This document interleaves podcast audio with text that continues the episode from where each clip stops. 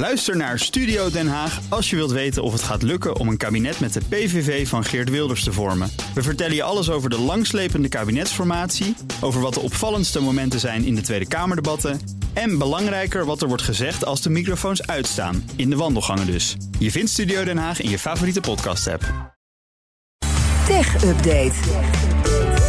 Met Joe van Buurik. Goedemorgen, Joe. Dag, Meindert en Ivan. De kruistocht die Elon Musk is gestart met de overname van Twitter... wordt nu wel heel letterlijk. Kruistocht? Ja, Mooi. dat is een Ja. mooie woordgrap, hè? Want ja, het merk Twitter gaat volgens Elon Musk verdwijnen.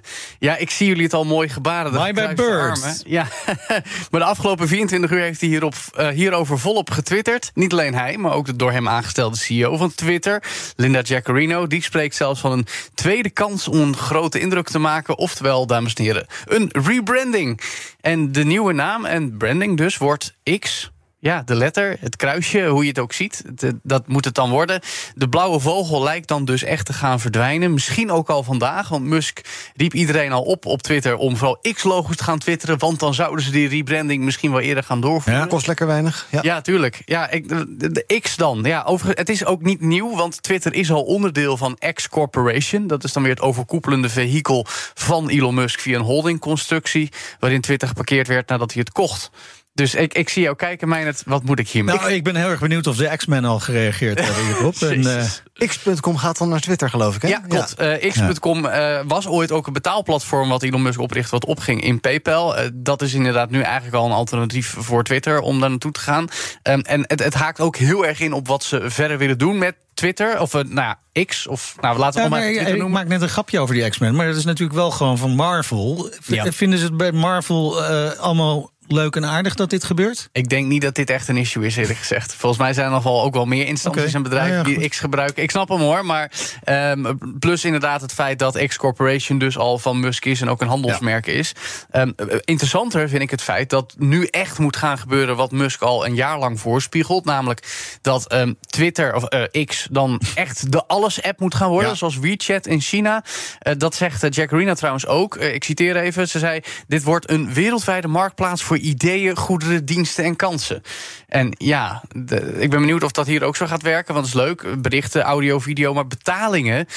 Dat, dat in Europa is dat strak gereguleerd. In de VS en ook voor mij in bepaalde landen in Azië is het een enorme ja, benefit om geld te kunnen overmaken via een app. In Europa hebben we daar financieel toezicht Nee. voor, meneer Musk en mevrouw Jaccarino. Nou ja, en bovendien, hè, als je graag wil dat mensen dat allemaal gaan doen via X, formerly known as Twitter, Mooi. Dan moet je dat ook wel een beetje aantrekkelijk maken voor de gebruikers. En als we nu kijken naar Twitter, wordt het juist steeds onaantrekkelijker. Tenminste, als je niet wil betalen. Ja, nou, dat gaat dan vooral over berichten sturen. Precies. privéberichten. Want, nou, DM'tjes. Precies, DM'tjes. Want eh, zonder betaald account, Twitter Blue, mag je straks maar een bepaald aantal berichten per dag versturen.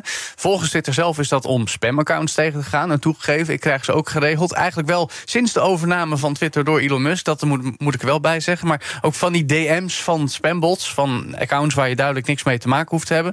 Ehm, we weten nog niet wat de limiet dan gaat worden. Eh, wel dat je nu al eigenlijk alleen nog maar privéberichten kan ontvangen van mensen die een betaald account hebben. Dat moet je zelf aanpassen naar. Nee, ik wil gewoon met iedereen berichten kunnen uitwisselen. Heeft Iwan misschien ook al gemerkt dat een tijdje Ik geleden heb, die knop ik heb het weer teruggezet. ja, nee, maar dat is dus heel raar. Dat er dus een oplossing wordt bedacht voor toegegeven een probleem. Maar dat is wel echt het het kind met het badwater Ja. weggooien, zeg maar. Om gewoon je hele functionaliteit om zeep te helpen. Ehm, ook wel opvallend is dat eh, navraag hierover bij Twitter een andere reactie heeft opgeleverd dan voorheen. Want heel lang was het zo, als jij als journalist mailde naar eh press.twitter.com, dat jij een poep-emoji als Ja. automatische reactie. Is nu niet meer zo. Oh. Je krijgt nu een zin, ik citeer, we komen binnenkort bij je terug. Oh, daar hebben ze nog geen emotie voor. Nee, ik weet ook niet of het echt iets gaat uitmaken Hebben in ze de... pers iemand aangenomen weer? Nee, dat Oh. oh. volgens mij ook nog niet. Maar het is in ieder geval een, een koerswijziging. En Ja. Elon Musk had ook gereageerd op Twitter dat ze dit hebben gedaan. Maar ze, ze nog aan de zin, zei hij ook. Oké. ja, het is weer op zijn Muskiaans. we maar dan, dan nog even heel ander nieuws. Want grote techbedrijven werken vrijwillig samen met de Amerikaanse overheid om de risico's van AI in te perken. Ja, dat is wel interessant. Althans, de aankondiging zegt dat het zo moet gaan gebeuren zoals je net zei. vrijdag einde dag kwam dat binnen. Persbericht van het Witte Huis dus. Dat beschrijft hoe president Joe Biden heeft gesproken met topmensen van de belangrijkste en grootste techbedrijven, namelijk Amazon, Google, Meta, Microsoft, OpenAI en twee minder bekende, Anthropic en Inflection, ook makers van AI-chatbots en dergelijke. Afgelopen mei was er trouwens ook al een bijeenkomst onder leiding van vicepresident Kamala Harris, die toen haar zorgen uitte over de gevaren, de risico's van AI. Er is dus verder gepraat en er was dus afgelopen vrijdag weer een meeting met Biden zelf. Er is afgesproken door die bedrijven met de overheid dat ze al hun AI-functionaliteiten grondig gaan testen voordat ze worden vrijgegeven. Er wordt informatie gedeeld, ook met de overheid. Virtuele watermerken, bijvoorbeeld van die afbeeldingen die door AI-toepassing worden gegenereerd. Om ja, de, de, uh, de, auteurschap een beetje te honoreren, min of meer. En dat is nog het meest interessant, Meindert, volgens die aankondiging op vrijwillige basis. Maar dat maakt het ook gelijk troebel, want het is nogal vrijblijvend Ja. om op die manier wat af te spreken.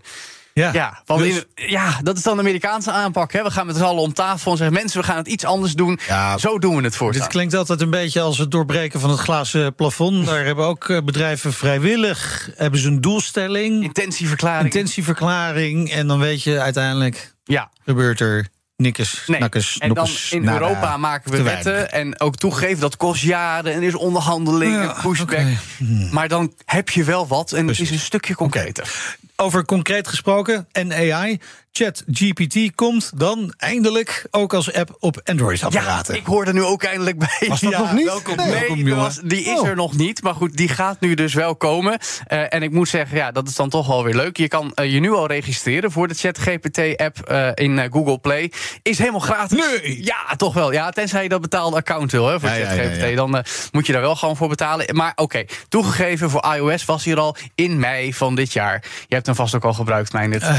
Talloze malen. Ja? Waar, waar gebruik je ChatGPT voor? Over grappige dingen. Voor grappige dingen, Ja. helemaal niet voor nuttige dingen. Nee, totaal niet. Nee, nog Hey, niet Iwan, gedaan. Iwan, jij tegenwoordig? Eh, steeds minder. Ik heb het wel laatst gebruikt om inspiratie op te doen voor een stelling voor BNR Breekt. Dat, Nou, dat wel werkt mooi. op zich wel aardig. Ja. Ik, merk- ja? Ja, nee, ik merk, mijn mijn zoon is vooral groot gebruiker. Ja, dat is eh, mooi. Voor school. Ja, Ja. ik heb hem laatst even Quantum Mechanica laten uitleggen aan me. Vond ik ook wel fijn. Toen begreep ik de film Oppenheimer opeens beter. Oh, je hebt hem al gezien? Nou, Ja, dat, dat gaan we zo Ja, wel met dank aan. ChatGPT. Nou, en nu kun je ook een leuke vraag over de film Barbie gaan stellen aan ChatGPT. Ja, daar kan ik zelf toch ook al. Of ik vraag het aan mijn vrouw.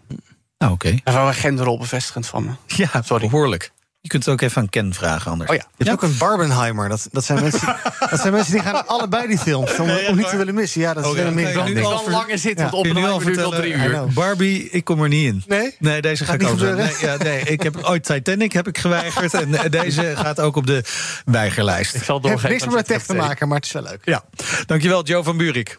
De BNR Tech Update wordt mede mogelijk gemaakt door Lenklen. Lenklen. Betrokken expertise, gedreven resultaat. Bij BNR ben je altijd als eerste op de hoogte van het laatste nieuws. Luister dagelijks live via internet. Bas van Werven. En heel langzaam komt de zon op rond dit tijdstip. Je krijgt inzicht in de dag die komt op BNR, het Binnenhof in Nederland en de rest van de wereld. De Ochtendspits. Voor de beste start van je werkdag. Blijf scherp en mis niets.